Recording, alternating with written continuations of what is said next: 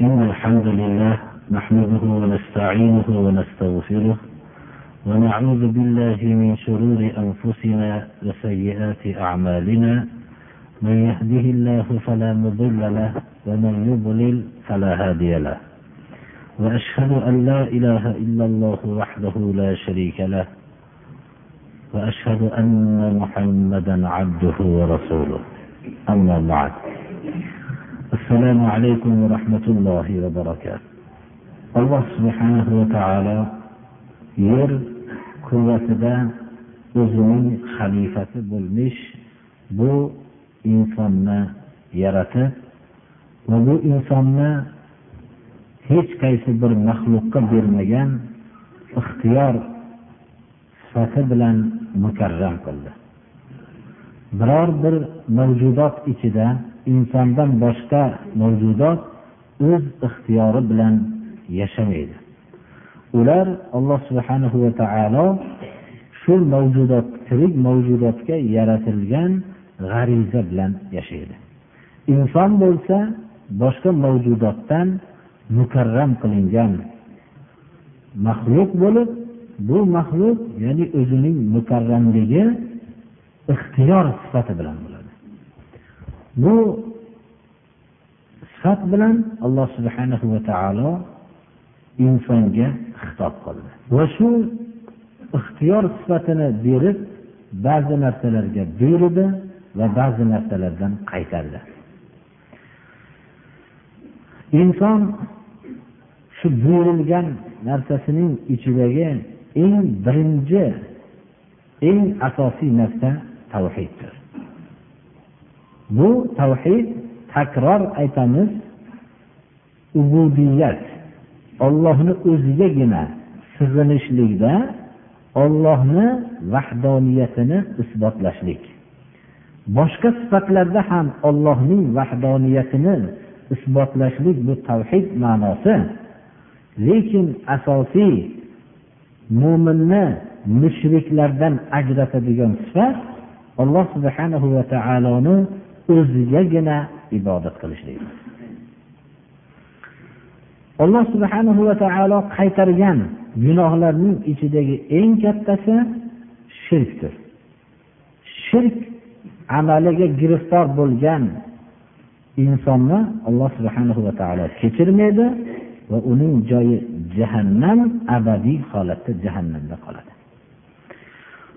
Alloh subhanahu va taoloning vahdoniyatini isbotlagandan keyin ya'ni yakka o'zigagina ibodat qiladigan banda bo'lgandan keyin yo boshqacha qilib aytganimizda ollohning yagona ma'bud ekanligini isbotlagandan keyin unga farz bo'lgan amallarning ichidagi eng birinchi va asosiysi namozdir.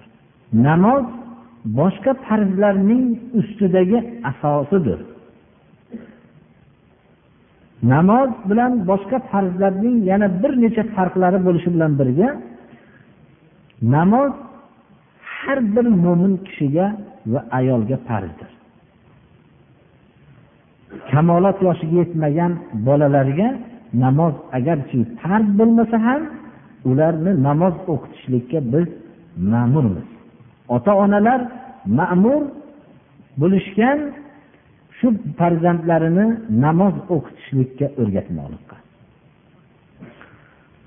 ayollar faqat uzrlik soatlardagina namozni to'xtatishadilar. Ammo namoz bulardan boshqa ya'ni uzrlik ayollardan boshqaga er kishiga ayol kishiga qari kishiga yosh kishiga va hamda boy badavlat va kambag'al kishiga hammaga farzdir. Namoz farz bo'lgan kishilar biror daqiqa ulardan namoz soqit bo'lmaydi birodarlar. Magar inson uxlab qolgan vaqtida u turgan vaqtida namozni qazosini o'qiydi. Ya'ni bunda ham undan soqit bo'lmaydi. Biz inshaalloh namozning ba'zi bir qiyin holatlarda o'talishligi haqida inshaalloh darsimizni oxirida to'xtalib o'tsak kerak. Alloh subhanahu va taolo qiyomat kuni hisob qiladigan amallarning birinchisi namozdir. Shu namoz savol javobidan agar inson o'tib ketsa boshqa imtihonlari inshaalloh allohni izni bilan yurib ketadi. Ammo shu namoz imtihonidan o'tolmasa uning holi achinarli bo'ladi. Alloh subhanahu va taolo o'zining bandalarini namozga buyurdi.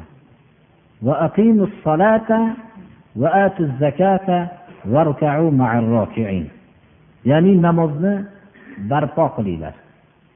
Zakotni o'tanglar va ruku qiluvchilar bilan birga ruku qilinglar deyildi.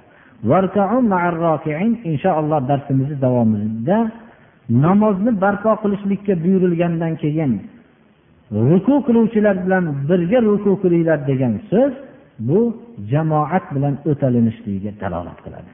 Inshaalloh biz darsimizni o'rtalarida to'xtalib o'tamiz. Alloh subhanahu va taolo namozlarida davomiy bo'lgan mo'min bandalarni qur'oni karimda maqtadi. Namozlarida xushu bilan tazarru bilan ollohga munojot qilayotgandek o'zining his qilib namoz o'qigan bandalarni maqtadi namozning vaqtlarini rioya qilgan mo'min bandalarni maqtab ularning najot topganligida shak shubha yo'q dedi استعيذ بالله قد أفلح المؤمنون الذين هم في صلاتهم خاشعون والذين هم عن اللغو معرضون والذين هم للزكاة فاعلون mana bu birinchi sifatida mo'minlarning namozlarida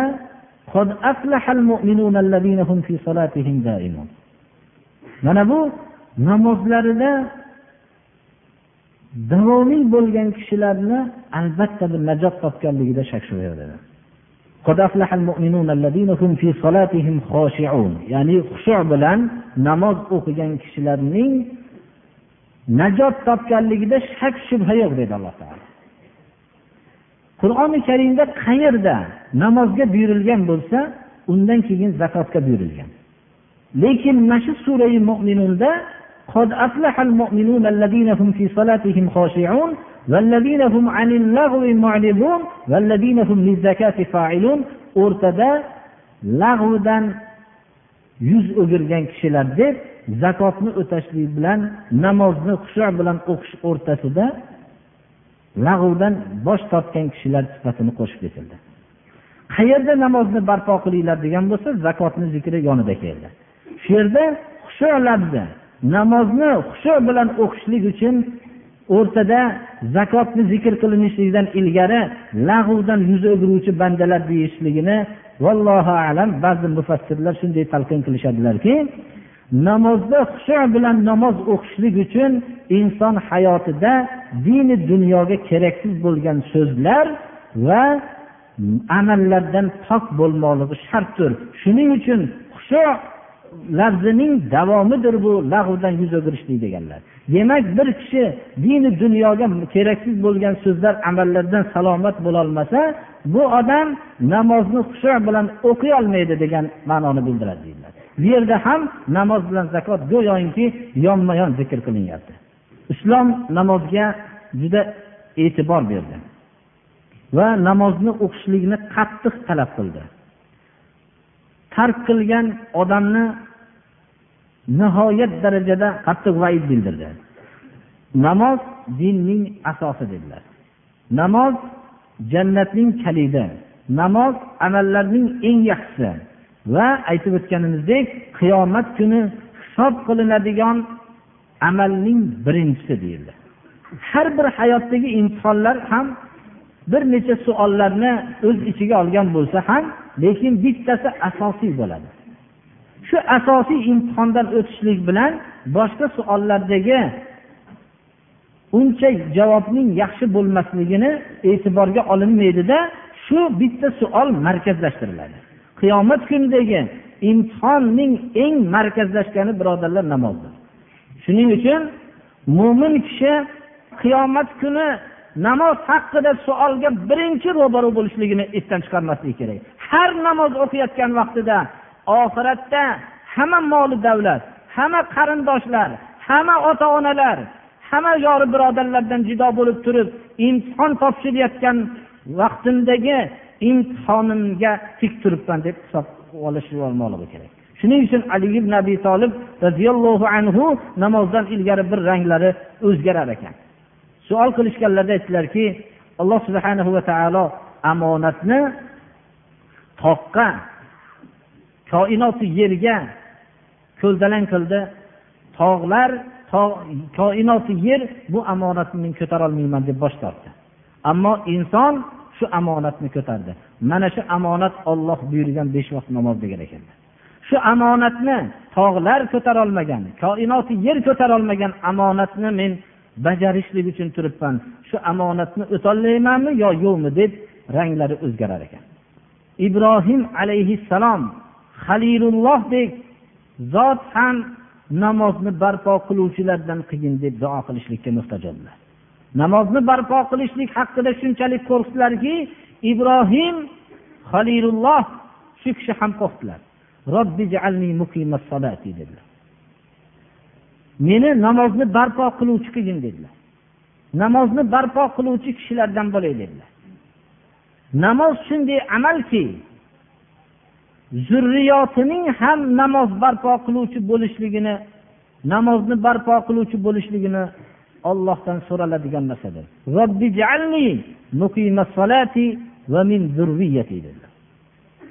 Va shu duolarning maqbul bo'lishligini allohga yolbordilar. Va taqobbal duo dedilar. Robbana va taqobbal duo dedilar. Alloh subhanahu va taolo muso kalimulloh bevosita o'zi xitob qilgan muso alayhissalomga birinchi vahiy soati kelganda va ana إنني أنا الله لا إله إلا أنا فاعبدني وأقم الصلاة لذكري namozni barpo qilishlikka birinchi nubuvvat vahiysi kelayotgan vaqtida buyurgan ulug' ibodatdir birodarlar iso alayhissalom beshikda gapirgan vaqtlarda chaqaloq bo'lib turgan vaqtlarda rob taoloning kelajakda namozga vasiyat qilganligini bayon qildilar. Namozga meni rabbim vasiyat qiladi dedilar. Payg'ambarimiz sollallohu alayhi vasallamga alloh subhanahu va taolo qur'oni karimni tilovat qilishlikka buyurib bevosita namozni barpo qilishlikka buyurdi.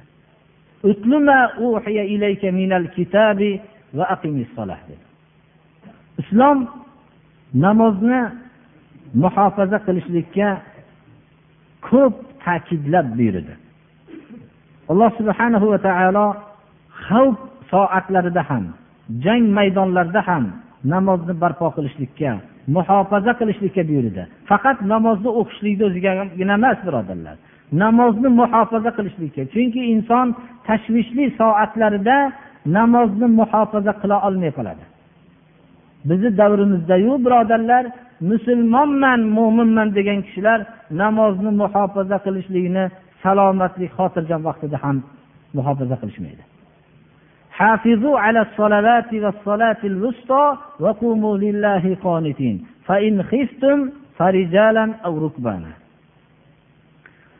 namozlarni muhofaza qilinglar xususan o'rta namozini o'rta namozi mufassirlarning aksarlarini tafsirlarida asr namozi hisoblanadi. Asr namozi insonni dunyoga mashg'ul bo'ladigan soati va dunyo ishini oxiriga yetkazib qo'yadigan soati. Bir yo'li shu ishni bitkazib keyin asr o'qiyman deb shunda shayton aldaydigan soat. Shuning uchun o'rta namozi asr namozini muhofaza qilinglar deb alloh subhanahu va taolo alohida ta'kid qildi. Va alloh subhanahu va taologa qunut tazarru bilan turishlikka alloh taolo buyurdi agar tashvish qilsanglar ya'ni qo'rquv soati bo'lsa piyoda yoyinki markabni minib turgan soatda namozni o'qinglar dedilar. Ya'ni jang maydonida musulmonlar agar markabni minib turishgan soatlari bo'lsa shu vaqtda markabdan tushishlik pastga tushishlik nihoyatda qo'rqinchli dushman ularni namozda g'aflatda qo'ymoqchi bo'lib turganligini ko'rsa markabdan tushmasdan turib ham namozni jamoat bilan o'qilmadi birodarlar. Inshaalloh biz namozning ba'zi o'qilish uslublarini darsimizni oxiriga qo'yamiz. Namoz iymon bilan kufr o'rtasida ajratib turuvchi shiordir. Namoz bilan insonni mo'minni kofirligini ajratib olasiz. Rasululloh sollallohu alayhi vasallam kishi bilan shirk kufr o'rtasidagi ajratib turgan narsa namozni tark qilishlikdir dedilar. Namozni tark qilishligi bilan shirk kufr tarafiga o'tib ketadi. Namozni barpo qilishligi bilan shirk va kufr tarafidan salomat qoladi ba'zi bir rivoyatlarda العهد الذي بيننا وبينهم الصلاة. فمن تركها فقد كفر. biz bilan namoz o'rtasidagi ularni o'rtasini ajratib turuvchi ya'ni ular shirk va kufrdagi kishilar bilan bizlarni o'rtamizni ya'ni mo'minlarni o'rtasini ajratib turuvchi narsa namoz dedilar kim tark qilsa kofir bo'ladi degan ekan. Buni mana beshta sihosida shu rivoyat qilingan. Ibn hibbon va hokim bular ham rivoyat qilishgan nabiy sollallohu alayhi vasallam namoz haqida shunday dedilarki من حافظ عليها كانت له نورا وبرهانا ونجاة وكان يوم القيامة مع قارون وفرعون وهامان وأبي بن خلف يعني ومن لم يحافظ من حافظ تكرار قيما من حافظ عليها كانت له نورا وبرهانا ونجاة يوم القيامة. ومن لم يحافظ عليها لم يكن له نور ولا برهان ولا نجاة. وكان يوم القيامة مع قارون وفرعون وهامان وأبي بن خلف. ahmad ibn hambal musnatlarda keltirganlar ibn hibbon o'zlarining sahih hadis to'plamlarida keltirganlar ya'ni kim namozni muhofaza qilsa unga namoz qiyomat kuni nur va hujjat bo'ladi mo'minligiga va qiyomat kuni najot bo'ladi dedilar. Kim namozni muhofaza qilmasa unga uni nuri bo'lmaydi. Va uning mo'minligiga hujjati bo'lmaydi. Najot ham unga bo'lmaydi. Qiyomat kuni qorun bilan bo'ladi. Qorun muso alayhissalomning davridagi muso alayhissalomning yo'lini qabul qilmagan dinsiz birodarlar. Fir'avn bilan bo'ladi dedilar. Homon bilan bo'ladi. Homon fir'avnning vaziri va ubay ibn halaf bilan bo'ladi. Bu hadisni sharhida ulamolar shunday tavjih qilishgan ekanlar. Qorun badavlat boy bo'lgan. Alloh subhanahu va taoloning bergan molini haqqini bermagan. Alloh subhanahu va taolo uni yerga yuttirib yuborgan moli dunyosi bilan. Qorun bilan bo'lishligi namozdan insonni moli davlati to'sgan bo'lsa ana shunday qorun bilan bo'ladi. Kimni? Ba'zi kishilarni ko'rasiz namoz o'qigan. Mana biz shu yaqinda hammamiz ko'rdik birodarlar. Ko'pchilik buni ko'rgan. Namoz o'qiyotgandi lekin mulki biror bir martabasining baland bo'lishligi bilan namoz tark qilib shu mulkiga ishonib turib martabasiga ishonib turib namozdan beparvo bo'lgan bo'lsa fir'avn bilan bo'ladi. Chunki fir'avnni shu mulki g'ururlantirib tug'yonga solgan edi. Nima uchun? Alloh subhanahu va taologa inson o'zgina martabasi oshishligi bilan sig'inishdan bosh tortadi. Demak shu mulkmi? Ollohga bo'ysundirishlikdan qaytargan shu mulkmi? Fir'avn bilan bo'lsin. Ana shunday tushunmoqligimiz kerak. Boshqa mamlakatlarga borsangiz bir safda birodarlar bilmaysizki yoningizda katta bir peshvo odam peshonasini sajdaga qo'yib yig'lab siz bilan birga sajda qo'yayotgan. Bir safda turadi. O'zim men shu guvohi bo'ldimki bir masjidda namoz o'qiyotsam oddiy hamma odam barobar namoz o'qiyapti xuddi mana namoz o'qiganimizdek hamma dunyodagi namoz bir xil birodarlar shunda bir kishi bilan mening libosim boshqa bo'lganligi uchun shu libosimdan mehmonligim bo'lib ko'rishdim bu mana shu mamlakatdagi eng katta lavozimli odamlardan ekan. O'zim bir ko'zimga namlandimki haqiqiy podshohlarni podshohisan parvardigor. Ey olloh senga mana shu podshohlar sajda qilyapti. Haqiqatda kim o'zi o'zini tanigan odam? Podshohlarning podshohiga sajda qilgan odamdir. Ana shu mulkni shu olloh subhanahu va taolo bergan deb e'tiqod qilish kerak. Va bu mulkni sajda qilgandan keyin mana shu ollohning bandalariga manfaati uchun xizmat qilmoqligim uchun bergan deb tushunadi. Ammo u hayotning o'zida musulmonlar safidan oddiy odamlar oldidan bosh tortib kibran shunday bo'lgandan keyin u ollohning bandalariga hech xizmat qilolmaydi birodarlar. Mana bu narsa biz siz tushunaylikki bu hadisning chuqur mazmuni agar kimda kim mulki martabasi namozdan to'sgan bo'lsa fir'avn bilan bo'ladi. Fir'avn nima uchun ilohlik davosini qildi? Mulki uni tug'yonga soldi. Agar u oddiy bir kimsa bo'lganda mumkin u shunday salohiyatlimikin juda ko'p hayotda ko'ramizki birodarlar ba'zi bir kishilarning martabasi oddiy bo'lganda ibodatda bo'ladi. Hajga borishga rag'bat qiladi. Hajga borib kelgan. Ammo bu narsadan darrov bosh tortadi nima uchun? Mulki uning kibri mulk kibri uni ibodat qilishlikdan bosh torttiradi ana u bosh ollohga ibodat qilishlikdan bosh tortganlar bilan jahannamda birga bo'ladi. Ana ba'zi o'rinda hadisni lafzida homon deydi. Homon fir'avnning vaziri. Riyosat va vazorati uning vazir bo'lgan edi shu podshoh yanida turishligi uning ibodatdan man qilgan bo'lsa u homon bilan bo'ladi deyish ulamolar shunday tavjih qilishgan ekanlar. Ubayyulni halaf savdogar edi. Mushrik edi dinsiz edi. Savdosi uni quvontirib shu savdo bilan ovora bo'lgan edi. Hammaga uchun bu kerak bo'lgan narsa. Kimni savdosi namozdan mashg'ul qilib qo'ygan bo'lsa u ubay ibn halaf bilan jahannamda bir bo'ladi. Biz bu narsani bilib qo'ymoqligimiz kerak. Demak insonni ibodatdan to'sadigan narsalarning hammasi zikr qilindi. Namoz birodarlar til bilangina aytib qo'yilgan so'zlar bo'lib qolmasligi kerak. A'zolar bilan o'talib qo'yilgan amalning o'zi bo'lib qolmasligi kerak.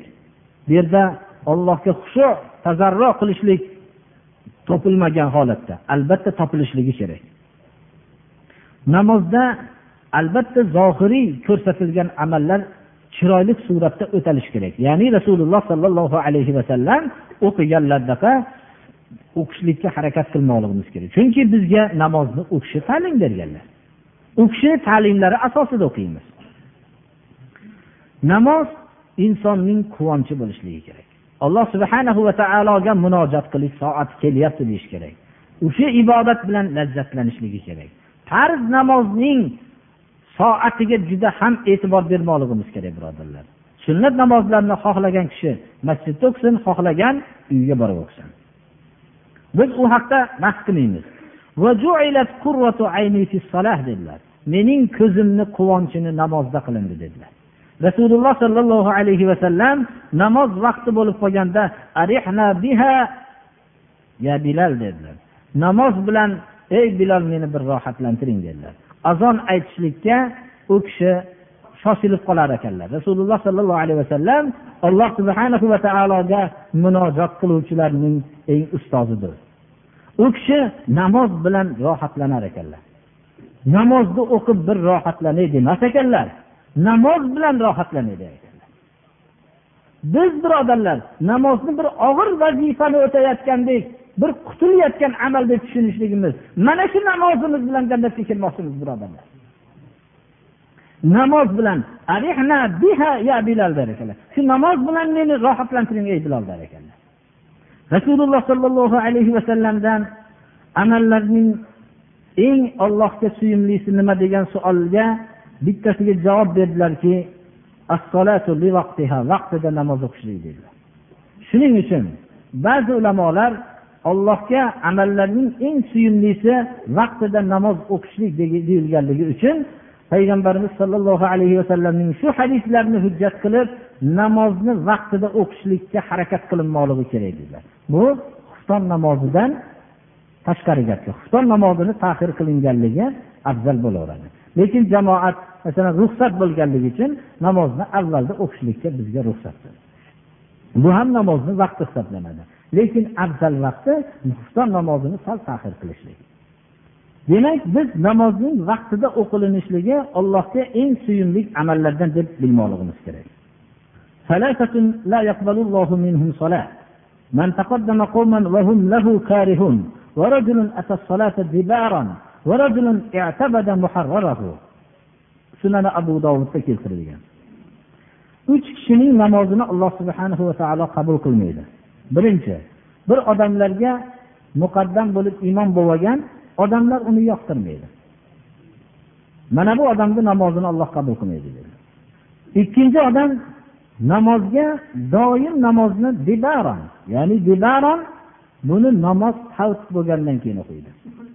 Namozni vaqtini o'tkazib o'qiydi. Alloh subhana va taolo buni qabul qilmaydi. Va uchinchi kishiki o'zining ozod qilgan quli bor edi.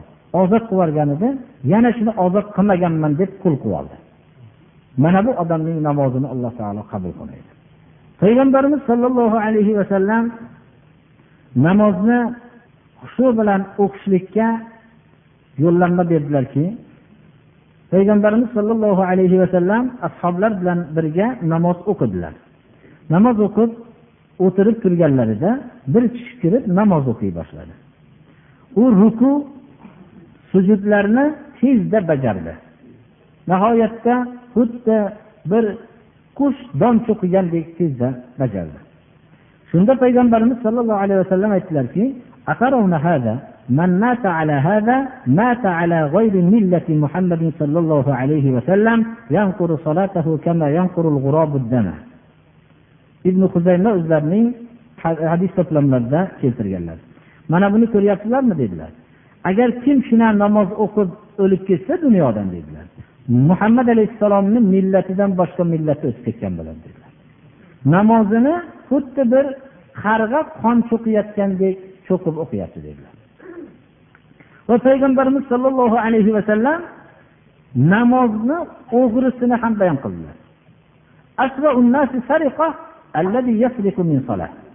O'g'rilar borki moli odamlarning molini o'g'irlaydi.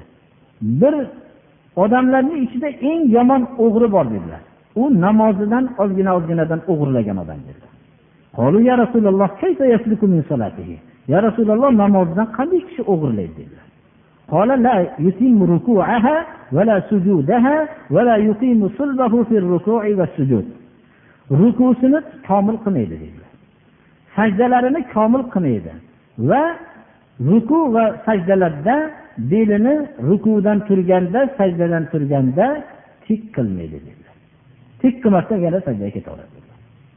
Alloh subhanahu va taolo o'zining bandalarini qur'oni karimda payg'ambarlarni maqtab surai maryamda shundan keyin vujudga kelgan odamlarning ularning kelajakda jahannamga kiradigan kelajak odamlarni zikr qilgandagi sifatlarni zikr qilgan o'rinda birinchi namozni zoyi qilgan kishilar sifatini keltirildi.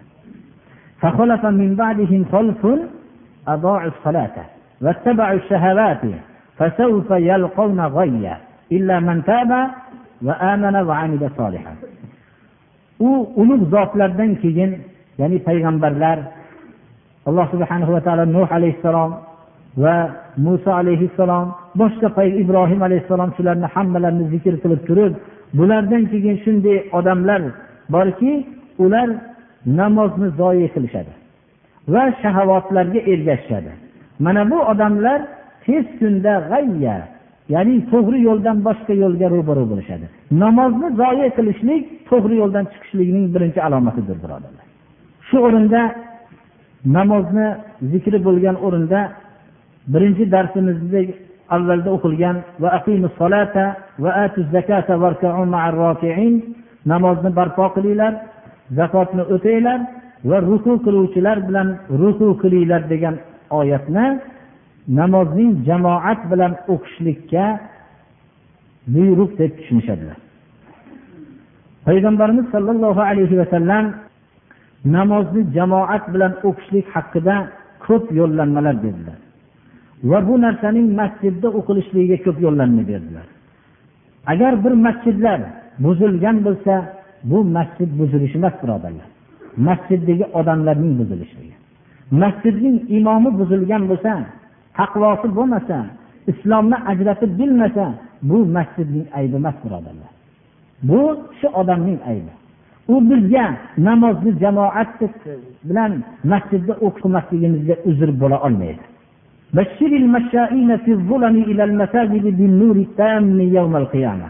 Payg'ambarimiz sollallohu alayhi vasallam aytdilarki qorong'iliklarda masjidlarga boruvchi kishilarga qiyomat kunidagi to'la nur bilan bashorat bering dedilar. Ya'ni qanchalik masjidga kelib jamoat bilan o'qishlik qiyin bo'lgan sari shunchalik uning darajasi baland bo'lib boraveradi. Jamoat bilan o'qilgan namozni mana hammamizga ma'lumki jamoat bilan o'talgan namoz yakka o'qilgan namozdan yigirma besh daraja baland deyildi imom buxoriy rivoyat qilganlar. Boshqa rivoyatda imom buxoriy rivoyatlaridan boshqalarda bo'lsa yigirma yetti barobar afzal dedilar. Agar har qanday odamning bir savdodagi bir molini bir barobar emas birodarlar biror bir odatda sotayotgan miqdordan yarim barobar qo'shiladigan miqdor boshqa uzoq masofada bo'lsa hamma shu molini shu masofaga olib boradi.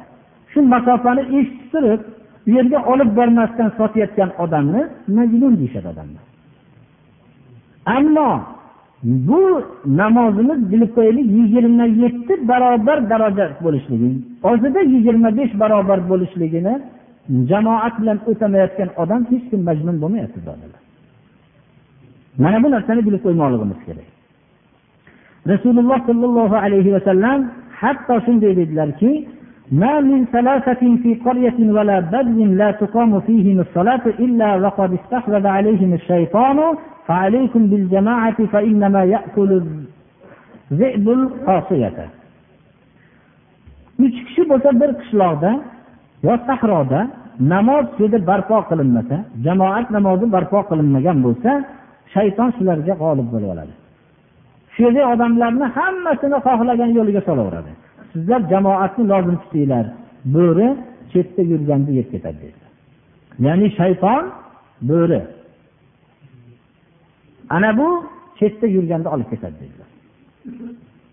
Payg'ambarimiz sollallohu alayhi vasallam والذي نفسي بيده لقد هممت أن آمر بحطب فيحتطب ثم آمر بالصلاة فيؤذن لها فيؤذن لها يعني ثم آمر رجلا فيؤم الناس ثم أخالف إلى رجال لا يشهدون الصلاة فأحرق عليهم بيوتهم لله.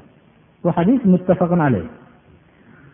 من ruhim qo'lida bo'lgan zotga qasam ichamanki bir o'tin terishga buyursamu o'tin terilsa namozga buyursam namozga azon aytilsa keyin bir kishini imom bo'ling desamu imom bo'lib bersa namozga hozir bo'lmagan odamlarni uylarini yondirib yuborsan dedilar. Demak jamoat namozini shunaqa e'tiborga olib aytdilar. Hatto rasululloh sollallohu alayhi vasallam mana hammamizga ma'lum yetalab yuradigan yeta kishisi yo'q bo'lgan amoga avvalda uyda namoz o'qishlikka ruxsat so'raganlarda ruxsat berdilarda keyin chaqirdilarki azonni eshitasanmi dedilar. Eshitaman bo'lmasam azonga javob qil dedilar. Shunga ham ruxsat bermadilar. Ba'zi bir kishilar hatto abdulloh ibn abbos roziyallohu anhudan rivoyat qilingan hadis sharifni hujjat qilib juda ham bir qattiq bir so'zni aytishgan ekanlarki rasululloh sollallohu alayhi vasallam aytdilarki deb abdulloh ibn abbos rivoyatlari من سمع المنادي فلم يمنعه من اتباعه عذر قالوا وما العذر قال خوف أو مرض لم تقبل منه الصلاة التي صلى أبو داود sunanlarda keltirganlar kim muazzinni eshitsa uniga ergashishlikdan uzr man qilmagan bo'lsa shunda uzr nima deyishdilar shunda uzr qo'rquv tashvishu kasallik dedilar ya'ni bir qattiq tashvishi bor yoyinki kasallik bor. Shu narsa man qilmagan bo'lsa namoz o'qigan namozi maqbul bo'lmaydi degan ekanlar. Shuning uchun birodarlar jamoat bilan namoz o'qishlikka nihoyat darajada e'tibor bermoqlik kerak. Alloh subhana va taolo namozni dangkasalik qilgan kishilarning bu dangkasaliklari namoz o'qiganlarni emas o'qimaganlarni emas birodarlar namoz o'qib dangkasalik qilgan kishilarni munofiqlik belgisi. Mana namozga turishsa dangkasa bo'lib turishadi. Mana bu narsa munofiqlik belgisi dedi. Qur'oni karim bizga mana bu narsani ta'lim berdi. Masjidga odat qilib namozni besh vaqt namozni o'qishlikka yurgan kishini iymon bilan guvohlik beringlar dedilar.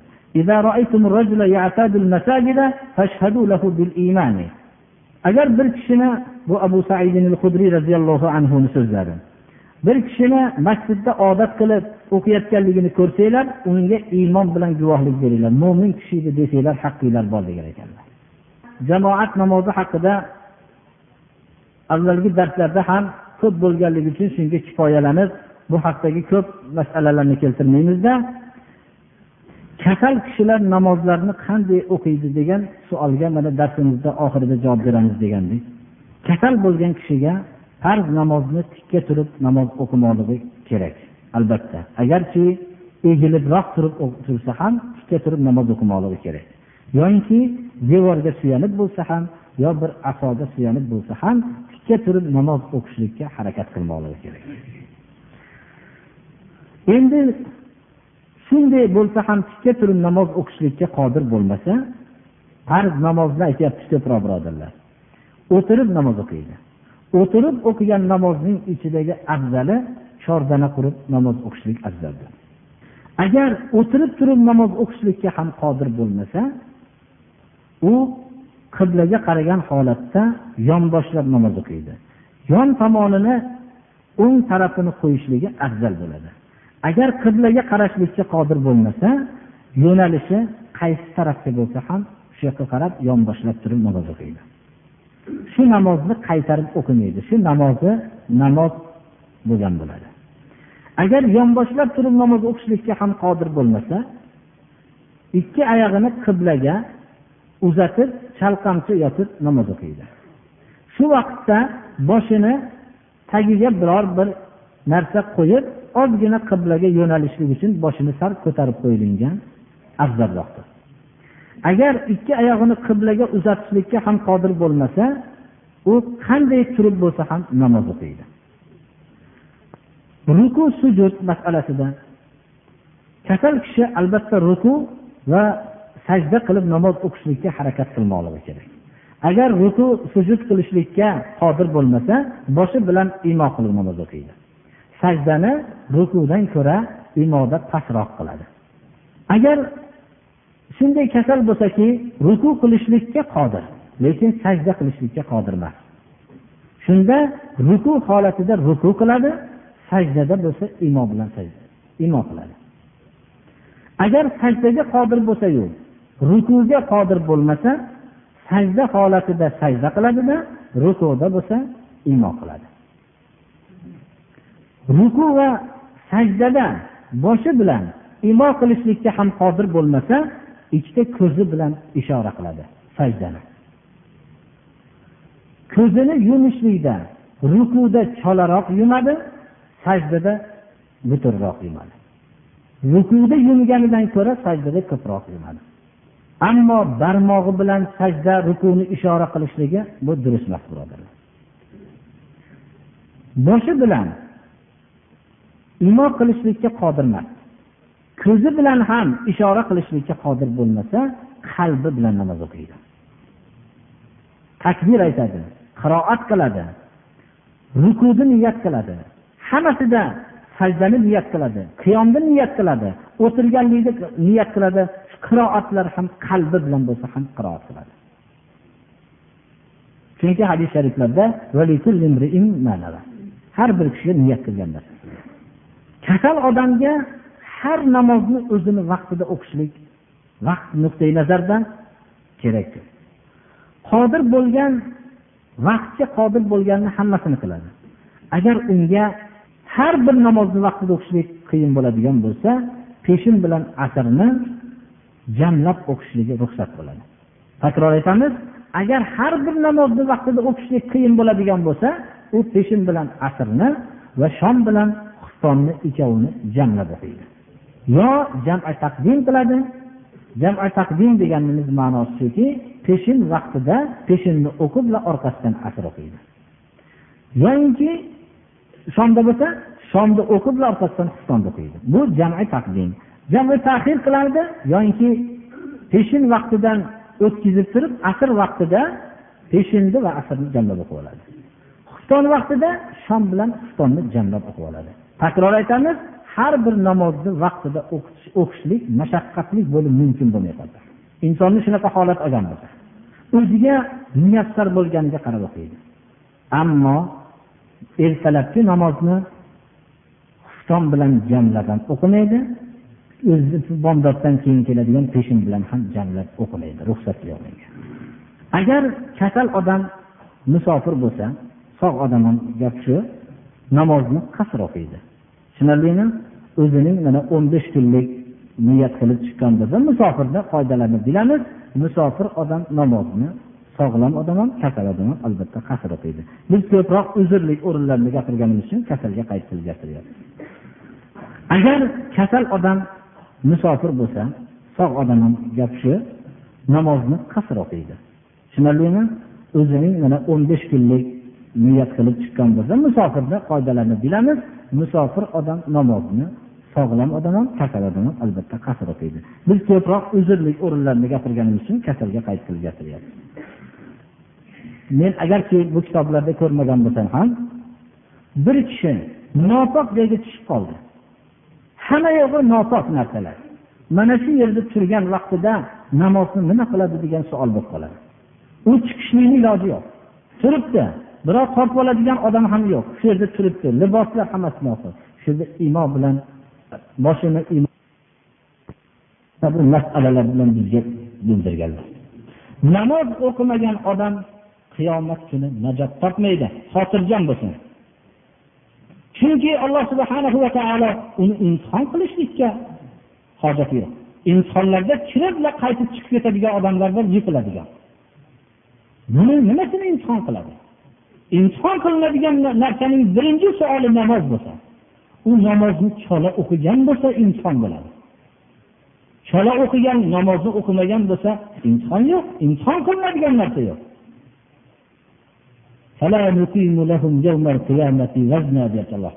Qiyomat kuni bu kofirlarga biz vazn tarozi qo'yib o'tirmaymiz. Taroziga bir narsa bo'lsa tarozi kerak bo'ladi. Qiyomat kuni biz tarozi qo'yib o'tirmaymiz deydi. Biz musulmonmiz. Bu musulmonman degan odamlarga. Ammo musulmon emasman degan bo'lsa unga o'zining ixtiyorida islom uni islomga kirishlikka majbur qilmaydi. Xohlasin musulmon bo'lib jannatda abadiy dunyo va oxiratning saodatiga erishsin xohlasin musulmon bo'lmasdan jahannamga o'tin bo'lsin. Shuning uchun biz mana bu joyda murosa qilolmasligimiz kerak birodarlar. Baribir biz namoz o'qishlikka iymonni da'vat qilsak majburmiz. İslomda majburlik yo'q islomga kirishga kirmaslikka majburlik yo'q. Xohlasin takror aytamiz musulmon bo'lib jannatga kirsin xohlasin musulmon bo'lmasdan jahannamga o'tin bo'lsin lekin musulmonman degandan keyin u majbur namoz o'qishlikka. Bo'lmasam mana qiyomat kuni unga alloh subhanahu va taolo ularga tarozi qo'yib o'tirmaymiz deyapti. Namoz ubudiyat sifatini o'zimizdagi isbotlovchi shiorimizdir. Men ollohning quliman degan so'zimizning davoyimizning isboti birinchisi namozdir birodarlar. Takror aytamiz olloh buyurgan amallarning eng birinchisi tavhid ya'ni ollohni yagona ma'bud deb bilish yer kurrasidayu koinotda hech ollohdan boshqa sig'iniladigan zot yo'q. Faqat olloh subhanahu va taolo o'zi yagona ma'buddir deyish deb e'tiqod qilish. Eng olloh qaytargan narsalarning eng kattasi shirkdir. Shirk keltirgan odam najot topmaydi. Agarki kechasi turib yig'lagan bo'lsa ham kunduzi ro'za tutgan bo'lsa ham najot topmaydi.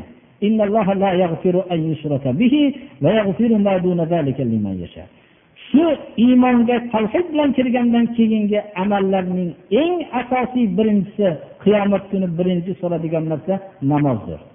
Namoz o'qimagan odam najot topmasligida shak shubha yo'qdir. Shunday bilishimiz kerak. Bunga ba'zi kishilar g'azablanishligi mumkin. Lekin g'azablansa o'zini tomdan tashlab yuborsa baribir gap shu. Boshqa iloji yo'q bu narsada shuni ham eslatib qo'yaylikki alloh subhana va taolo namoz o'qiguvchi barpo qiluvchilarga eng katta mukofotni va'da qilishligi bilan birga namozlardan beparvo bo'lgan kishilarning holiga vayl e'lon qildi. Namozlardan beparvo bo'lgan kishilarga vayl bo'lsin ya'ni azob bo'lsin jahannam bo'lsin deydi. Namoz sayyoralarda ketayotganda soqit bo'ladi deganlar ham hozirgi so'zlarni eshityapsin namoz mator ya'ni toiralarda ketayotgan vaqtida ham soqit bo'ladi deganlar eshityapsin namoz ko'z qimirlanmaydigan bo'lib qolgan vaqtda ham qalb bilan o'qiladigan amaldir. Men o'zimni boshimdan o'tgan narsani aytib beraman. Toirada xorijiy mamlakatga borganimda uzoq masofaga chiqqan vaqtimda shu toirada ertalabki namozni o'qishlik to'g'ri kelib qoldi. Shu ertalabki namozni azon aytdim ki birov iqtido qilishib bizga jamoat bo'lsa edi hech kim o'rnidan turmadi. Har xil millatlar chiqqan. Shunda namozxonlar bor ekan. Shunda bir kishi menga arab tilida xitob qildiki osmondan namoz o'qiyapsiz dedi. Men u arab tilini yaxshi bilganligi uchun unga shunday qisqacha bir aytib qo'ydim. Lekin tarjimasi bo'lsa birodarlar u lazzat ketib qoladi. Tarjimasini nima deb bersak dedi. Biz ollohni osmonda ham olloh deymiz yerda ham olloh deymiz dedi. Shundan boshqa so'z aytmadi. Osmonda nima uchun namozni biz tark qilamiz? Ayting mana. Ollohni ollohligiga yerda yurganda o'ynaymizmi? Demak biror bir sayyoraga chiqsak namozning afzali vaqtida o'qishlik deyiladi. Demak bu namozni soqit bo'ladi degan odamlar hayolparast odamlar.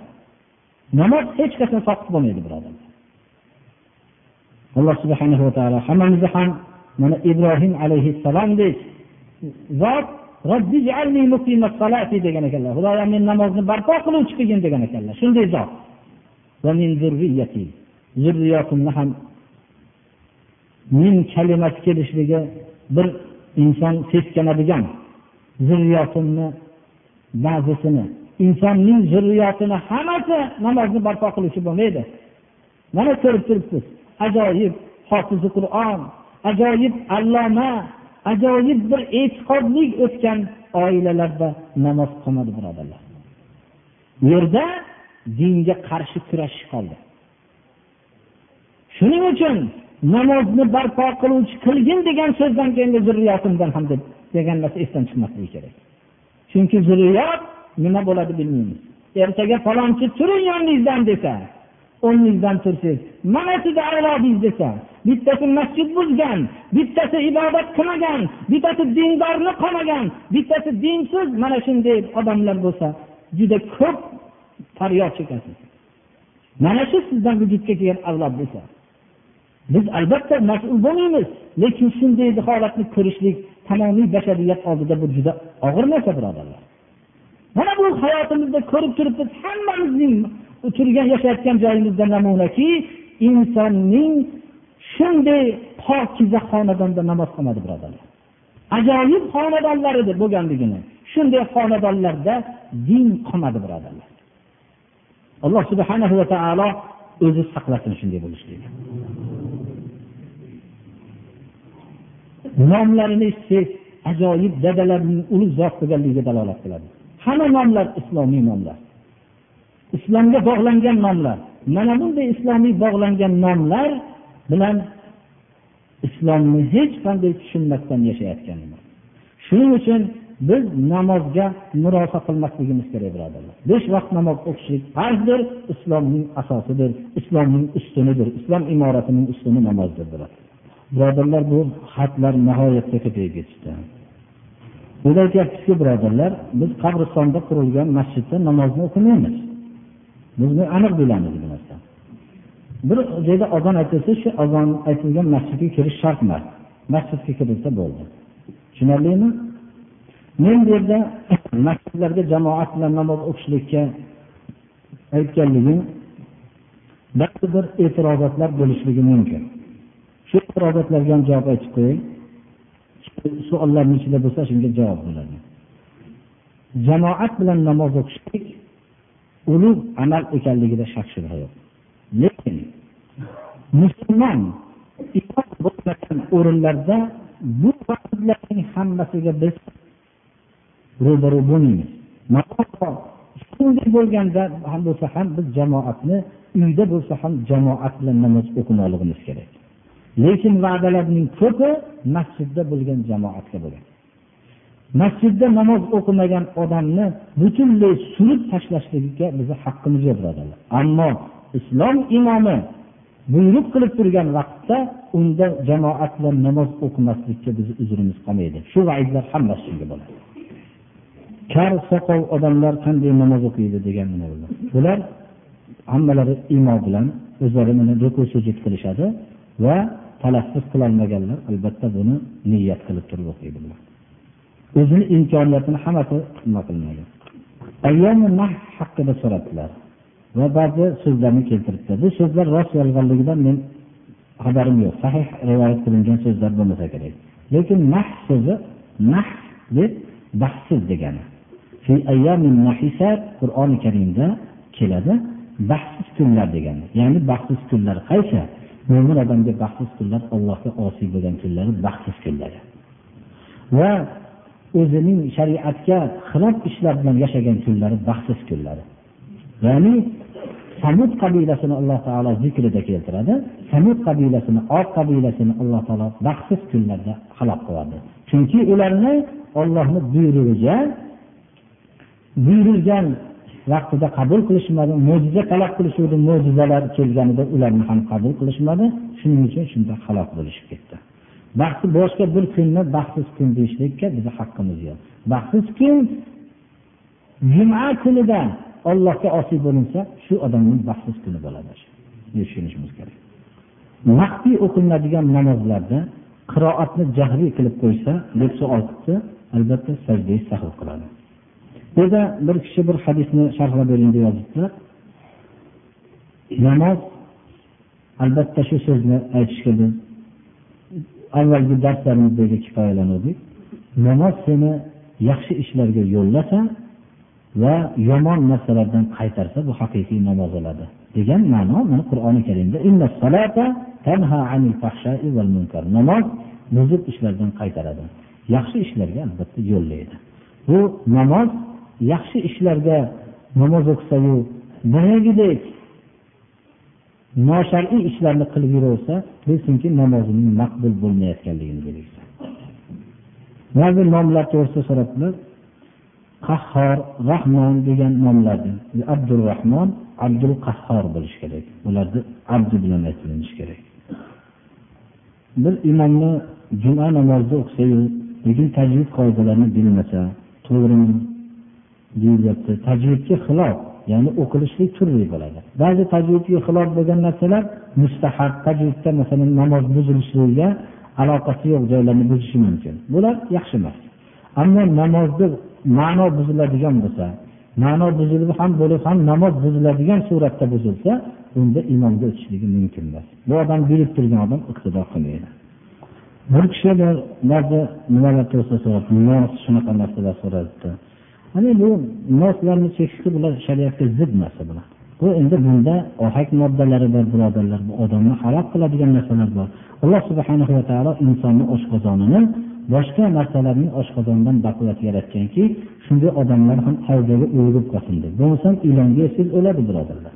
Shu oshqozon bo'lsa oshqozondan boshqa narsani hazm qilib yuboradi oshqozon moddasidan boshqa narsani oshqozon hazm qilib yuboradi shu inson shunaqa inson bu deb qo'qqisdan havzo qilmasdan o'lib qolmasin deb shunaqa mahkam yaratib qo'ygan ekan. O'zi yumshoq bo'lsa ham nihoyatda mahkam bu narsalar bu shariatga zid narsalar bular demakki namozni ro'zani farz bo'lishligi kamolatga yetishligi bilan. Lekin shunga qaramasdan yoshligidan biz yetti yashardan namoz o'qishlikka buyurishga ma'murmiz. Inshaalloh bu yerda bir kishi zakot haqida so'rabdilar. Alloh nasib qilsa va'da qilaylik yana darsga inshaalloh zakotni dars qilamiz. Namozdan keyin zakot bo'ladi. Bu yerda ba'zi bir nimalar borki bir kechada qur'oni karimni hatm qilishligi haqida o'tgan salaflarni zikrlari keladi. Lekin ular bu to'g'risidagi gaplar to'g'ri emas birodarlar. Mabodo hatm qilingan bo'lsa payg'ambarimiz sollallohu alayhi vasallamning hadislariga o'tgan salaflar ko'p amal qilishganlar. U payg'ambarimiz sollallohu alayhi vasallam uch kundan tezroq bo'lgan xatmni hech narsa o'qimabdi deganlar. Shuning uchun uch kundan tez hatm qilishmagan. Ular bizdan ko'ra payg'ambarimiz sollallohu alayhi vasallamning hadislariga ko'p amal qilishganlar. Shuning uchun bir ayollarda o'n besh bora bir ayollarda o'n besh bora o'qilganlar deb u kishilar unaqa namozda bir ayolab turadigan nodon kishilar bo'lgan emas ular namozda ikki ayolab turishganlar. Uni bir oddiy bir odamlar bir namozda masalan bir ayolab tursangiz sizni namozingiz durust emaydi bunda desangiz ular juda ulug' zotlar bo'lganlar xususan imom azam rahmatullohi alayhi haqlariga bir oyda o'n besh bor o'qib degan narsa tuhmat bu narsa. U kishi namoz o'qishlikni u kishi bizlarga o'rgatgan kishilar ular. Biz aytamiz bu yerda namoz o'qimaydigan otalar majbur shunday nima aytamiz namoz o'qimaydigan otalarga yaxshilik qilishlikka shariat bizni buyuradi. Itoatni ollohga bo'lishlikka buyuradi. Biz yaxshilik qilaveramiz dadamiz kim bo'lsa ham muruvvat qilaveramiz dunyoviy muruvvatlarimizni qilib boraveramiz ammo itoatni alloh subhanava taolo shu ko'plari duo qiling dedilar alloh subhanahu va taolo tolib ilmlarga alloh taolo ilm bersin amal qiladigan ilm bersin. Kasallarga alloh taolo shifo bersin. Alloh subhanahu va taolo ba'zida farzand alloh subhanahu va taolo bizga ham bersin solih farzandlar deb. Alloh taolo solih soliha farzandlardan bersin. Alloh subhanahu va taolo bu ba'zilar nima qilishdilarki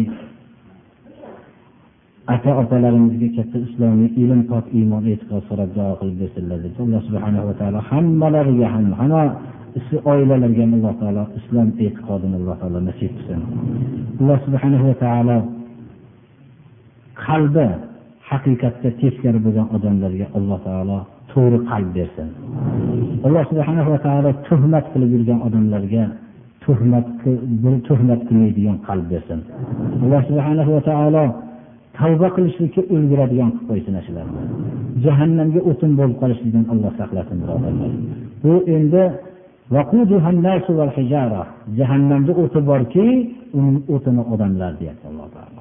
O'tini odamlar yoqiladi u yerda. Iymon keltirmagan ollohni inkor qilgan ollohni yo'liga qarshi bo'lganlar bu yerda yonadi alloh subhana va taolo shu jahannamga o'tin bo'lib ketib qolishdan alloh saqlasin. Ajoyib chiroyli yuzlar ajoyib chiroyli aqllar bilan jahannamga ketib qolishlik juda alamli narsa bu. Alloh subhana va taolo shularni hammalariga alloh taolo tavfiq bersin hidoyat rushd bersin وصلى الله تعالى على خير خلقه محمد وآله وأصحابه أجمعين o'tgan vaqtlardagi namozda beparvoligimizni alloh kechirsin alloh subhanahu va taolo kelajak hayotimizda namozni barpo qiluvchilardan qilsin